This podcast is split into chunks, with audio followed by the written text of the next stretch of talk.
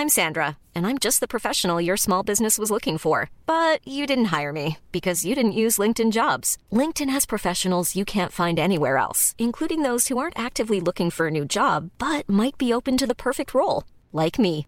In a given month, over 70% of LinkedIn users don't visit other leading job sites. So if you're not looking on LinkedIn, you'll miss out on great candidates like Sandra. Start hiring professionals like a professional. Post your free job on linkedin.com/people today. Wow. Nice. Yeah. What you're hearing are the sounds of people everywhere putting on Bombas socks, underwear, and t-shirts made from absurdly soft materials that feel like plush clouds. Yeah, that plush. And the best part? For every item you purchase, Bombas donates another to someone facing homelessness. Bombas. Big comfort for everyone. Go to bombas.com slash ACAST and use code ACAST for 20% off your first purchase. That's bombas.com slash ACAST. Code ACAST. Millions of people have lost weight with personalized plans from Noom. Like Evan, who can't stand salads and still lost 50 pounds. Salads, generally, for most people, are the easy button, right? For me, that wasn't an option. I never really was a salad guy. That's just not who I am. But Noom worked for me. Get your personalized plan today at Noom.com. Real Noom user compensated to provide their story. In four weeks, the typical Noom user can expect to lose one to two pounds per week. Individual results may vary. Hej och hjärtligt välkomna till ännu ett Teknikveckans special där vi intervjuar någon person som kan vara aktuell eller en person om ett ämne som kan vara aktuellt. Och idag så har jag med mig Andreas Berg, docent på Lunds universitet. Men eh, du vill gärna kalla dig någonting annat. Ja, jag brukar kalla mig välfärdsforskare eftersom eh, docent låter lite stolpigt och nationalekonom låter lite tråkigt. Eh, fast jag är båda delar. Men välfärdsforskare säger mer om vad jag faktiskt gör. Det kan ju vara skönt om en välfärdsforskare har lite koll på ekonomi. Särskilt nationalekonomi. Eller hur? Det finns ju jättemycket om välfärd vi kan diskutera. Men vi ska faktiskt prata om det här med om sparkcyklar eller den så kallade gig-ekonomin kanske mer generellt. Ja. För du skrev en debattartikel i, var det Sydsvenskan? Eh, det var Dagens Nyheter. Var båda i Dagens Nyheter? Just det. Ja men de har, det är samma ägare vet du. Och lik, likadana webbsidor. Jag känner ändå den lätt. Eh... Precis. Så det pågår någon form av eh, strukturomvandling i mediebranschen. Det kan man verkligen säga. Men du skrev om, eh, du tyckte att det var inte så hemskt med eh, att vi, eh, svensk medelklass, utnyttjade massa fattiga människor för att köra runt med och hantera våra sparkcyklar och leverera pizzor.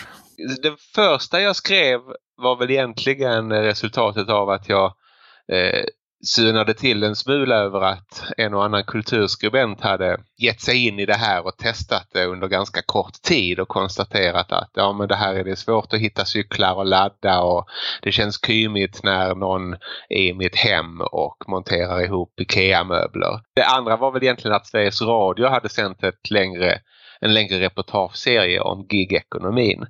Eh, där man också hade framställd i ganska negativ dager. Eh, och då tyckte jag dels att jag kulturjournalistik ska vara lite mer nyfiken för det första eh, och inte bara beskriva problem. Och sedan för det andra att man kanske ska försöka sig sätta, in i, sätta sig in i situationen för de som faktiskt inte har ett fast jobb som kulturskribent utan gör det här eh, för sin försörjning eller för att komplettera sin andra inkomst.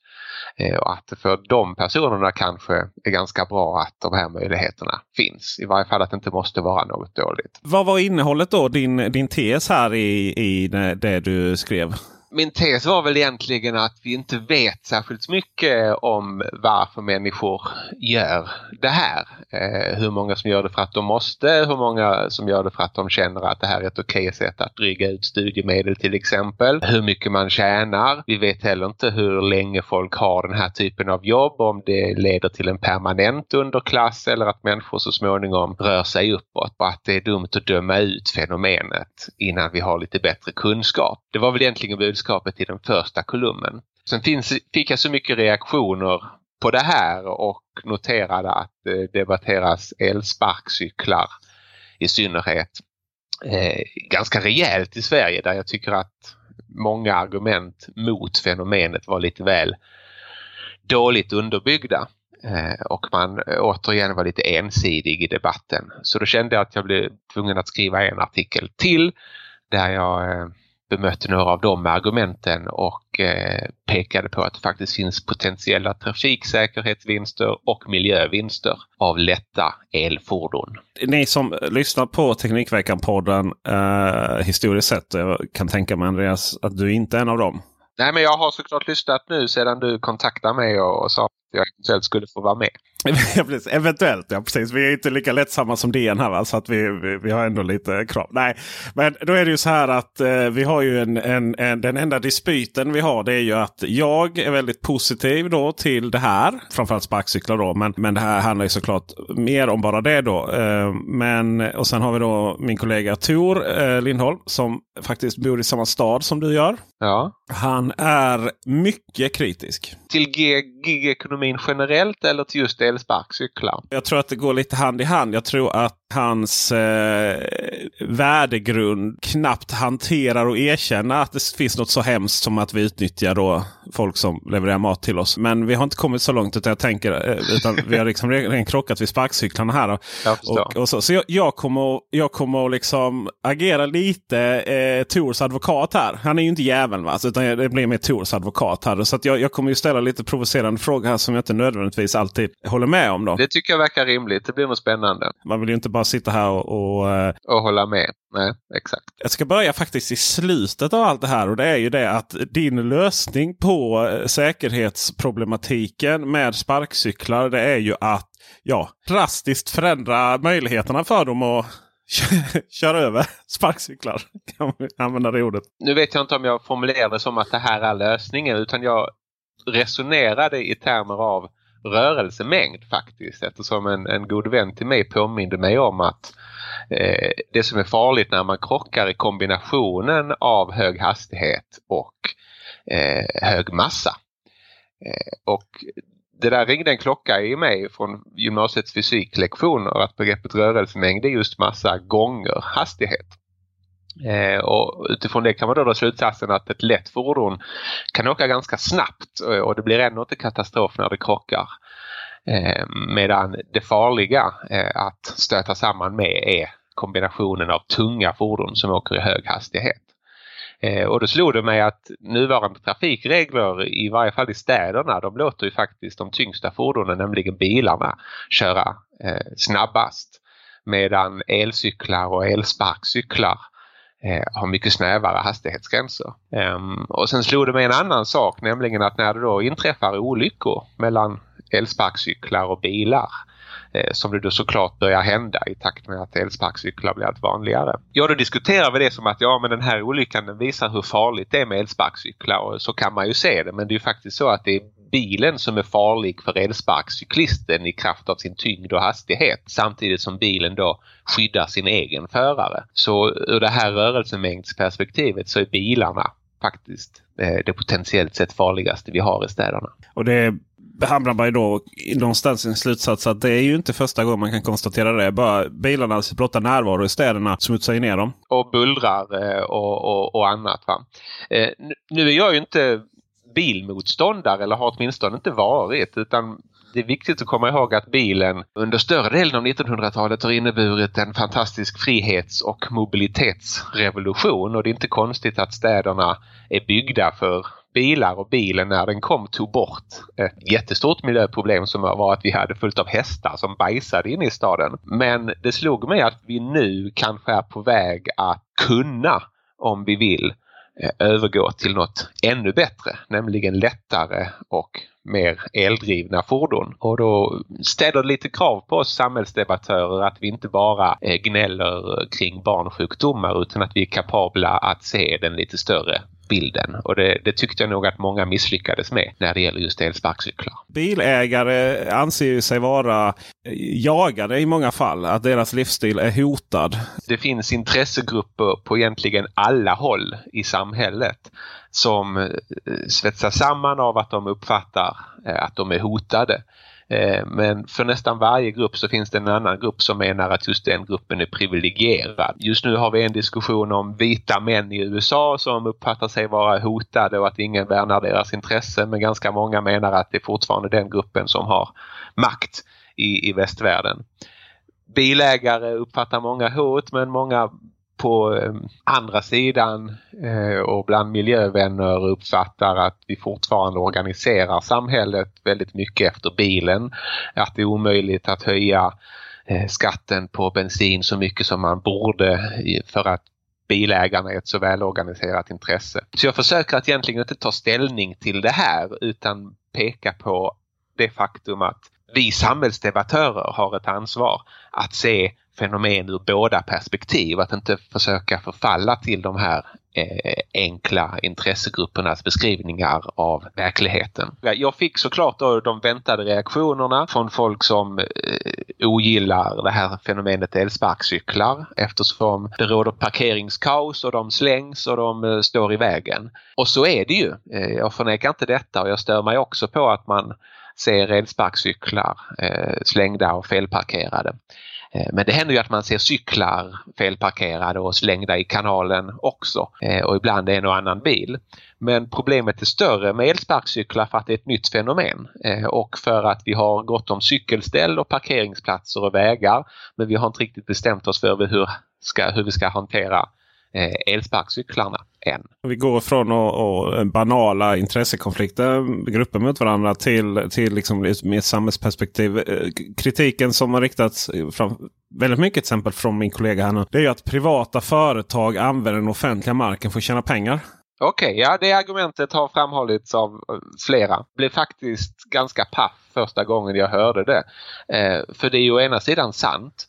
Å andra sidan helt självklart i, i en eh, marknadsekonomi som den svenska. Det gäller ju strikt sett när man cyklar på en monarkcykel också att man använder ett fordon som ett privat företag har tjänat pengar på och framför det på en eh, med skattemedel finansierad väg eller cykelbana. Och det gäller barnvagnar och det gäller eh, bilar i, i, i stan och eh, ja, det gäller det mesta. Eh, och det offentliga rummet finns ju till för den privata sektorn. Eh, så mycket får man väl ändå erkänna. Alltså, eh, staden eh, och det offentliga har vi ju för att göra det lättare för oss som människor Eh, att leva i samhället. Och det betyder att vi, vi bygger vägar eh, Eh, om vi tycker att det är ett bra sätt att färdas och samexistera på. Vi bygger torg, cykelbanor, cykelställ eh, och annat också för den privata sektorn. Och den privata sektorn är ju faktiskt människor så att jag fick fundera lite grann innebörden av den här invändningen. Det som man kan lite elakt säga är att eh, problemet här är inte att folk använder sparkcyklar eller, eller eh, cyklar eller bilar tillverkade av privata företag. Problemet är själva delningen av det. Det vill säga att det finns ett företag som organiserar det här och ställer ut det. Och Då kan man ju rent krasst säga att man hamnar i en... Eh, hamnar man inte lite i en paradox då? Att personer som annars är för mer delning eh, av samhällsresurserna. Det är då sur att den delningen sker på i det offentliga. Det finns många paradoxala eller lite eh, på ytan åtminstone eh, skenbara motsägelser. Um, det här gäller ju då inte bara delning och uthyrning utan parallellt med eh, att eh, de här företagen testar korttidsuthyrning eh, får man väl kalla det. Så har ju cyklarna också börjat säljas till den som vill köpa och äga en privat. Och i början av trenden så var det ju då väldigt intressant hur kommuner tillsammans med företagen införde no park-zoner. Eh, det vill säga ställen där man inte får lov att eh, parkera sin hyrda elsparkcykel och där då mjukvaran faktiskt gör det tekniskt omöjligt att avsluta eh, sin hyrperiod i de här zonerna. Eh, och då frågade jag i det här fallet Malmö stad om det här bara gäller hyrcyklar för att om man har en egen elsparkcykel som man äger så går det utmärkt att ställa den i vilket cykelställ som helst även i en sån här så kallad no park zone. Eh, och då var vi alltså i den paradoxala situationen att, att folk som hyr en cykel eh, hamnar i ett sämre läge än den som köper den och äger den själv. Men ser man till resurseffektivitet så är ju då den cykel som du äger själv den står ju oanvänd oftast. Medan poängen med hyrcyklarna är just att många personer kan använda dem så att de används eh, effektivare. Och det tyckte jag var lite konstigt men Malmö stad svarade att man får lov att ställa både hyrcyklar och egna cyklar i stadens cykelställ och hade det hamnat något cykelställ inom en sån här no park-zon så var det ett misstag. Så att vi håller på att lära oss hur vi ska hantera det här. Eh, jag är väl minst lika nyfiken som alla andra på huruvida den här affärsmodellen eh, går ihop och blir framgångsrik. Just nu har vi väldigt många aktörer som tävlar med varandra. Jag tror inte alla av dem kommer att överleva. Du vinner då på ekonomi här som ju är lite av din. Ja, det är lite därför jag blivit så intresserad av det. Därför att det här är ju marknadsekonomi och konkurrens i praktiken. Kan man verkligen säga att de här bolagen nyttjar det offentliga rummet när alla går så dåligt? Alltså det pumpas ju in pengar i de här. Så är det i och för sig ganska ofta när företag eh, är nya de tror på sin affärsidé och de menar att får vi bara upp volymen och lär oss tillräckligt mycket om hur vi ska tillhandahålla produkten så kommer vi att tjäna pengar på det i framtiden. Det fiffiga med marknadsekonomin är ju att de som tror sig kunna tjäna pengar på det här de kommer ju anstränga sig väldigt mycket för att få det att funka utan att vi egentligen behöver lägga ner skattepengar på att testa det hela. Eh, det kanske är så att eh, det är tekniskt omöjligt att få det här att flyga i den bemärkelsen att det går att tjäna pengar på det. Eh, och då kommer alla företag att få, få lägga ner sina försök. Men då har vi inte förlorat särskilt mycket skattepengar, eller egentligen kanske inte några skattepengar. Medan om det visar sig att det funkar, då är det ju för att människor uppskattar tjänsten och då kommer det så småningom faktiskt också att komma in lite skatteintäkter från, från de som bedriver ekonomisk verksamhet, hyr och laddar och tjänar pengar. Så att um, jag tycker man ska vara lite mer avvaktande och, och, och, se vart det landar. Det pågår ett väldigt experimenterande just nu med allt ifrån den fysiska konstruktionen av cykeln till prissättning eh, Eh, och, och mjukvara. Men är det inte också lite det här som, som behövs ändå, den här konflikten? För jag tänker om, om vi är sparkcykelentusiaster, bara, nej men bara ställ dem överallt, vi bryr oss inte, bara, vi vill bara ha dem. Liksom. Då hade det inte blivit någon större kontroll och då hade man kanske inte utvecklat liksom, specifika parkeringsplatser för dem. Det finns ju, I Stockholm så står det ju, finns ju stort gult på eh, på många ställen att här kan du parkera de här. Och sen samtidigt om man bara hade haft de här negativa då hade de ju varit försvunna sedan länge. Liksom. Det är exakt så kommuner ska göra så att säga. De ska egentligen inte vara vare sig för eller emot tekniken utan låta företag som vill experimentera med den göra den idealiskt på ett kanske teknikneutralt sätt. Eh, och rikta in sig på att hantera de konflikter som uppstår mellan olika eh, trafikanter. Eh, och då tycker jag nog att det som du nämner, eh, en markerad zon där det står ställ gärna din elsparkcykel här. Det är ju oerhört mycket fiffigare än att bara eh, ha en no park zone som betyder ställ inte din cykel här. För det innebär ju i praktiken att folk kommer ställa sina cyklar precis utanför de här zonerna eh, så nära som möjligt eftersom zonerna dessutom ofta är till exempel nära tågstationer dit man vill cykla. Eh, och då vore det mycket bättre att, att ha en som ekonomer kallar fokalpunkt. Där alla som vill ha en vet att de sannolikt finns och alla som vill ställa en vet att där kan man ställa den utan att folk blir irriterade. Så ja, vi håller på att lära oss hur, hur vi bäst ska hantera den här nya tekniken, eh, föredrar jag se det som. Om vi breddar då hela diskussionen här om de här individerna som tar hand om sparkcyklarna. Men också eh, kör hem mat till oss väldigt billigt. Vi vet ju inte om det är samma individer men, men eh, båda de sysslorna finns och, och, en del andra varianter. Det du gick ut och sammantaget kan ju säga att du var inte så mycket för emot utan du sa bara att vi kan inte, bara, vi kan inte, vi kan inte vara helt kritiska. Vi måste se vad som händer. Men vad fick du för reaktioner på detta? Du blir anklagad av både till höger och vänster va? Ja, det blev jag ju. Eh, och Eh, det jag skrev var att, att om villkoren är så usla som det framstår i, i en del av de här reportagen om gigekonomin eh, så är det konstigt att någon alls vill jobba där. Eh, och det gjorde ju då att väldigt många blev arga eftersom eh, man menar att folk eh, har det så uselt att man mer eller mindre är tvungen att jobba där. Eh, och det var ju faktiskt min poäng också att vi behöver fråga oss hur illa det är för att förstå för vem och vilka det här ter sig som en attraktiv syssla. Eh, och det var ju min poäng att vi vet faktiskt inte särskilt mycket om eh, vilka som jobbar där, varför man gör det, hur mycket man tjänar.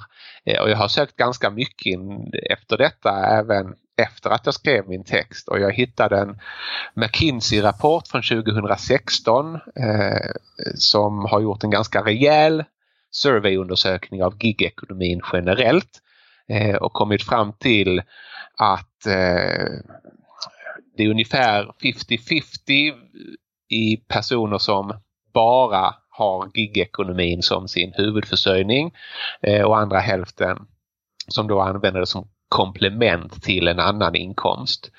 Eh, och enligt den undersökningen så var det 70% som faktiskt föredrog gigekonomin framför ett vanligt reguljärt jobb.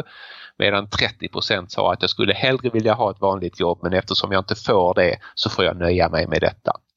Eh, nu tror jag inte att det där är, är, är, riktigt vetenskaplig nivå och hur som helst så är det faktiskt snart fyra år sedan så jag skulle föredra att man gör nya och mer systematiska studier eh, för att få veta eh, hur situationen är för de som jobbar där.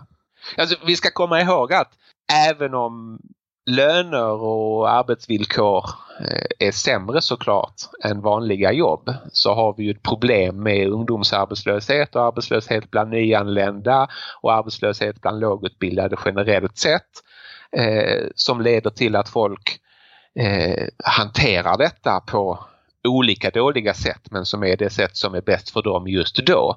Eh, och det kan vara att man går på olika former av bidrag under väldigt lång tid eller att man till och med tar sig för illegala aktiviteter med droghandel. Eller i bästa, eh, den bästa av världar att man försöker utbilda sig så att man får en bättre situation på arbetsmarknaden. Eh, och det är inte självklart att om det nu växer fram en, en sektor där du lagligt sett ganska lätt kan få jobb eh, men till förhållandevis låga löner, att det gör alternativen sämre. Eh, utan det skulle faktiskt i bästa fall kunna vara eh, en väg in och något som lockar bort folk från ännu sämre alternativ. Eh, så vi behöver veta lite mer om detta innan vi dömer ut fenomen. Hiring for your small business? If you're not looking for professionals on LinkedIn, you're looking in the wrong place. That's like looking for your car keys in a fish tank. LinkedIn helps you hire professionals you can't find anywhere else, even those who aren't actively searching for a new job but might be open to the perfect role. In a given month, over 70% of LinkedIn users don't even visit other leading job sites. So start looking in the right place. With LinkedIn, you can hire professionals like a professional. Post your free job on linkedin.com slash people today. Wow. Nice. Yeah. What you're hearing are the sounds of people everywhere putting on Bombas socks, underwear, and t-shirts made from absurdly soft materials that feel like plush clouds. Yeah, that plush. And the best part? For every item you purchase, Bombas donates another to someone facing homelessness. Bombas. Big comfort for everyone. Go to bombas.com slash ACAST and use code ACAST for 20% off your first purchase. That's bombas.com slash ACAST. Code ACAST. When you make decisions for your company, you look for the no-brainers. And if you have a lot of mailing to do, stamps.com is the ultimate no-brainer. It streamlines your processes to make your business more efficient, which makes you less busy. Mail checks, invoices, legal documents, and everything you need to keep your business running with stamps.com. Seamlessly connect with every major marketplace and shopping cart. Schedule package pickups and see your cheapest and fastest shipping options from different carriers. With rates up to 89% off USPS and UPS rates. And with the stamps.com mobile app, you can take care of mailing and shipping wherever you are. Make the same no-brainer decision as over 1 million other businesses with stamps.com. Sign up with code program for a 4-week trial plus free postage and a free digital scale. No long-term commitments or contracts. That's stamps.com. Code program. Hey, Drew Scott here, and I'm Jonathan Scott, reminding you that life's better with a home policy from American Family Insurance. They can help you get just the right protection at just the right price and help you save when you bundle home and auto. Kind of like Goldilocks and the Three Bears. It'll be just right for you. We love a custom build. American Family Insurance. Insure carefully, dream fearlessly. Get a quote and find an agent at amfam.com. Products not available in every state. Visit amfam.com to learn how discounts may apply to you. American Family Mutual Insurance Company SI and its operating company 6000 American Parkway, Madison, Wisconsin. Jag tänker ofta i det här i alla politiska diskussioner och i, inte, inte bara politiskt, egentligen alla diskussioner att det måste ju finnas facit. Ja, nu sa du att det inte fanns just i den frågan, men, men, men liksom i, i ett större perspektiv. Det måste ju finnas facit från andra länder. Ofta. Vi, Sverige är ju ganska i och med att vi inte är så stora befolkningsmässigt eh, så är det ju inte alltid så att vi är först på bollen i alla sammanhang. Vi tror gärna det, va? men sen så går man, åker man utomlands och så har de haft samma problem i, rätt länge. Man tänker USA sådär med folk som tar låglönejobb och som måste ha flera jobb för att klara av det och så vidare. Hur applicerbart är det på det här? Och, och, och sen också eh, i Sverige så har vi ju en diskussion om vissa politiska partier vill ju nästan eh, vad kallas det? Alltså via statligt håll mm. införa den här typen av låglönearbeten. Lite facit finns ju just genom att jämföra länder med olika samhällssystem och olika politiska system. USA har ju haft låglönejobb under lång tid och men inte högteknologiska på det här sättet. Eh, och facit är väl eh, å ena sidan USA har mycket större problem med så kallat working poor, det vill säga att folk har ett jobb men räknas som fattiga ändå. Eh, och inkomst och lönespridningen är mycket större. Å andra sidan så har USA också lägre arbetslöshet och högre sysselsättning bland invandrare och lågutbildade. Eh, så att det är svårt, det, det, går inte entydigt att säga att det ena systemet är bättre än det andra utan det verkar vara så att vi har ställts inför en avvägning mellan olika mål där vi inte kan få eh, allting samtidigt. Det andra är ju som du möjligen antyder att Sverige har jobbat lite grann med låglönejobb fast i offentlig sektor. Eh, allt ifrån Samhall till plusjobb till eh, olika arbetsmarknadsprojekt eh, där folk gör enkla sysslor eh, och får eh, betalt eller bidrag på olika sätt. Så att det är inte så att bara för att vi inte tillåter det i privat sektor att vi inte har något liknande. Eh, skulle man också kunna påpeka. Men när det gäller just gigekonomin så är det ju faktiskt ett ganska nytt fenomen eftersom tekniken eh, och mjukvaran eh, har utvecklats ganska snabbt på sistone. Eh, så just när det gäller det finns nog inte facit utan Sverige är väl ett av de länder som eh, är mest teknikbenäget i kraft av att vi är rika, vi är välutbildade, vi har snabbt internet, de flesta svenska hushåll. Eh, vi är teknikbenägna. Och då finns det inte facit utan då måste vi tänka kring situationen och utan att, att det finns facit att hämta någon annanstans. Var kommer ordet gigekonomi ifrån? Jag skulle säga att eh, det kommer från slangordet gig eh, i betydelsen påhugg. Eh, ett jobb som är temporärt till sin natur och som såklart har funnits även innan det fanns appar i telefonen som gjorde det lättare att hitta de här påhuggen. Men när eh, teknologin började underlätta för efterfrågan på de här tjänsterna och utbudet av arbetskraft eh, att mötas eh, så eh, uppstod väldigt många nya typer av gig. Eh, och det är då det också börjat talas om en gigekonomi.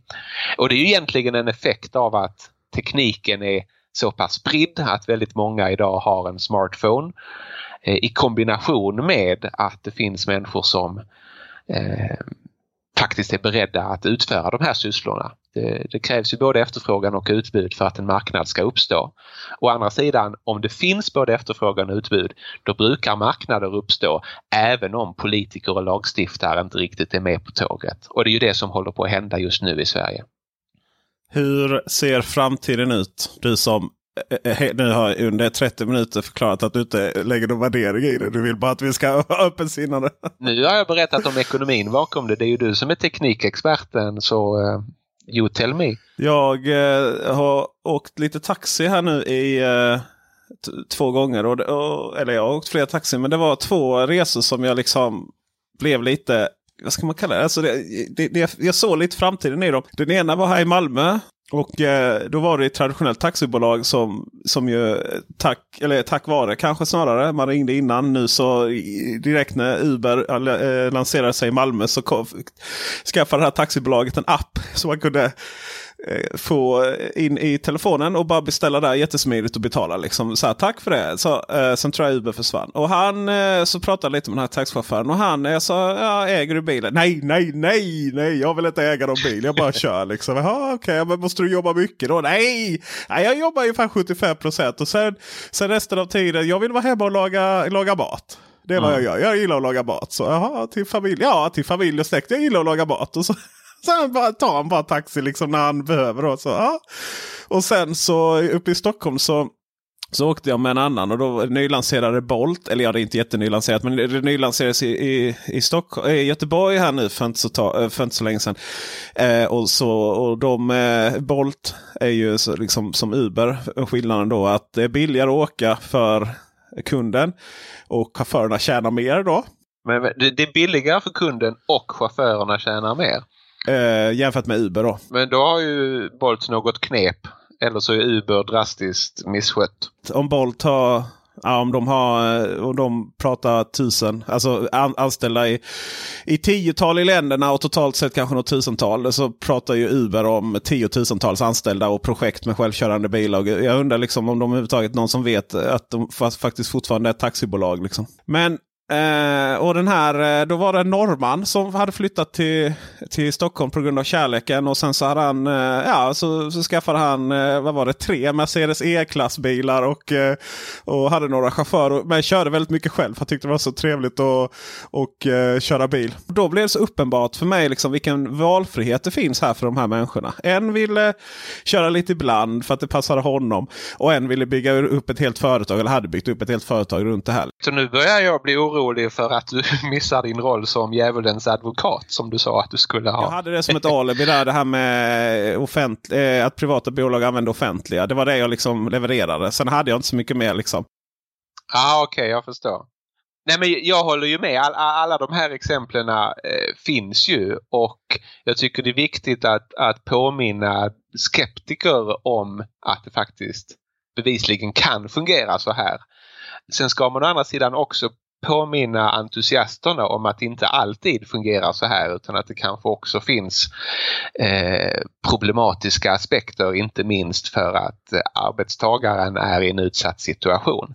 Eh, och det är väl egentligen svårt att veta eh, vad som är det vanligaste. Det är nog svårt att veta. Det som, det som hela den här Bolt vs Uber eh, diskussionen är också, det tror jag att att, eh, jag tror att framtiden, och jag tror det är också lite poängen, jag tror att framtiden tillhör de bolagen i slutändan som faktiskt både tjänar pengar och någonstans tar ett ansvar för de som jobbar åt dem. Ja, det tror jag du har helt rätt i. Det är ju för övrigt en trend som vi ser Eh, även utanför gigekonomin. Eh, att företag eh, egentligen av snäva profitskäl eh, känner att de måste engagera sig i samhällsfrågor och moralfrågor och diskutera eh, mer än bara produkternas eh, kvalitet och egenskaper och även värderingsfrågor. För det har ju ofta varit en sån här diskussion om, om när det här började komma då, liksom lite billigare utkörning och folk började cykla runt och man tyckte synd om dem i regnet och så vidare. Då, då var det ju det här att då var det många som argumenterade att ja, men just i de här fallen så kan man liksom inte riktigt ta hänsyn till fackliga rättigheter och så vidare. Det tillhör det gamla och sådär. Och det tror jag också, en, det i sin tur tror jag är en ganska farlig diskussion. För att jag tror kärnan i det här är att för att det här ska fungera så måste någonstans värder de här ska vi kalla det, de här empatiska värderingarna om hur vi liksom ska leva ihop i ett samhälle. De måste nog vara kvar tror jag. För, för annars får ju kritikerna rätt.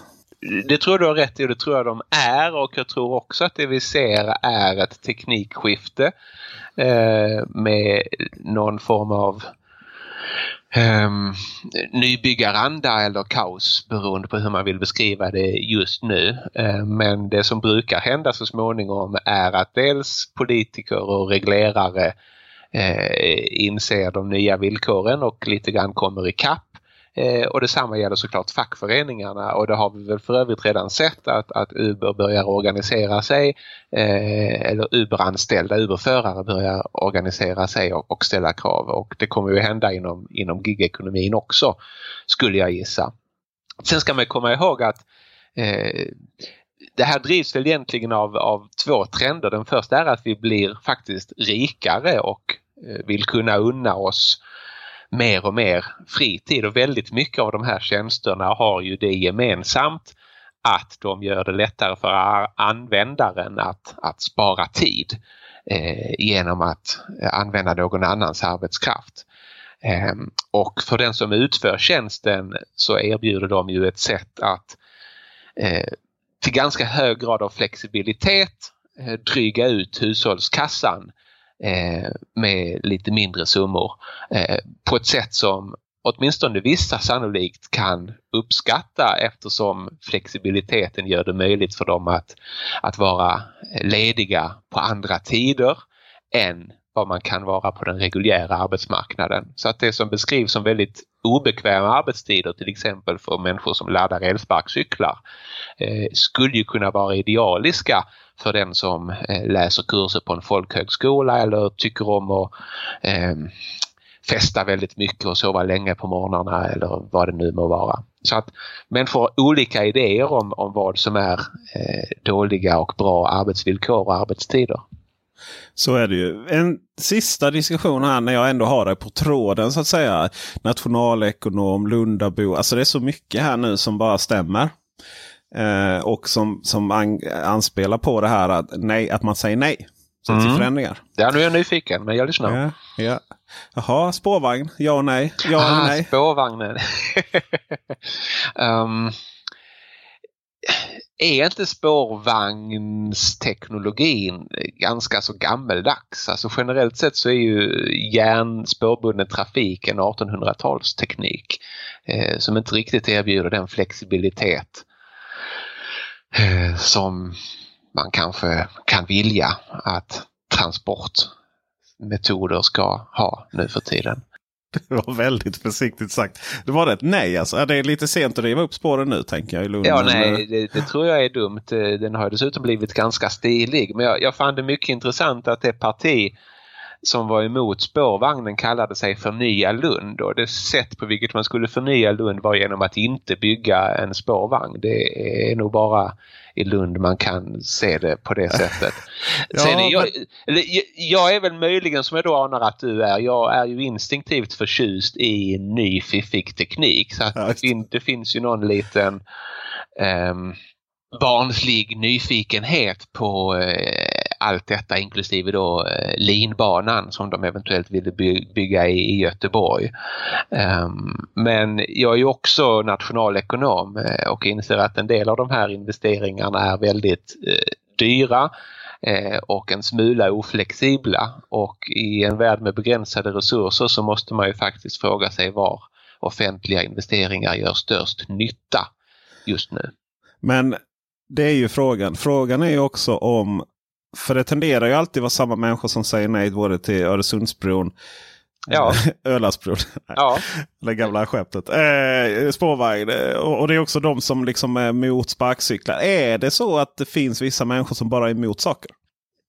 Det Oavsett finns, vad det kostar. Det finns en viss psykologisk forskning som, som pekar på att det, det finns olika personligheter där vissa tenderar instinktivt vara förtjusta i allt nya eh, och andra kanske Eh, ganska skeptiska och det är i mångt och mycket en väldigt mänsklig reaktion att, att vara försiktig och riskavärt.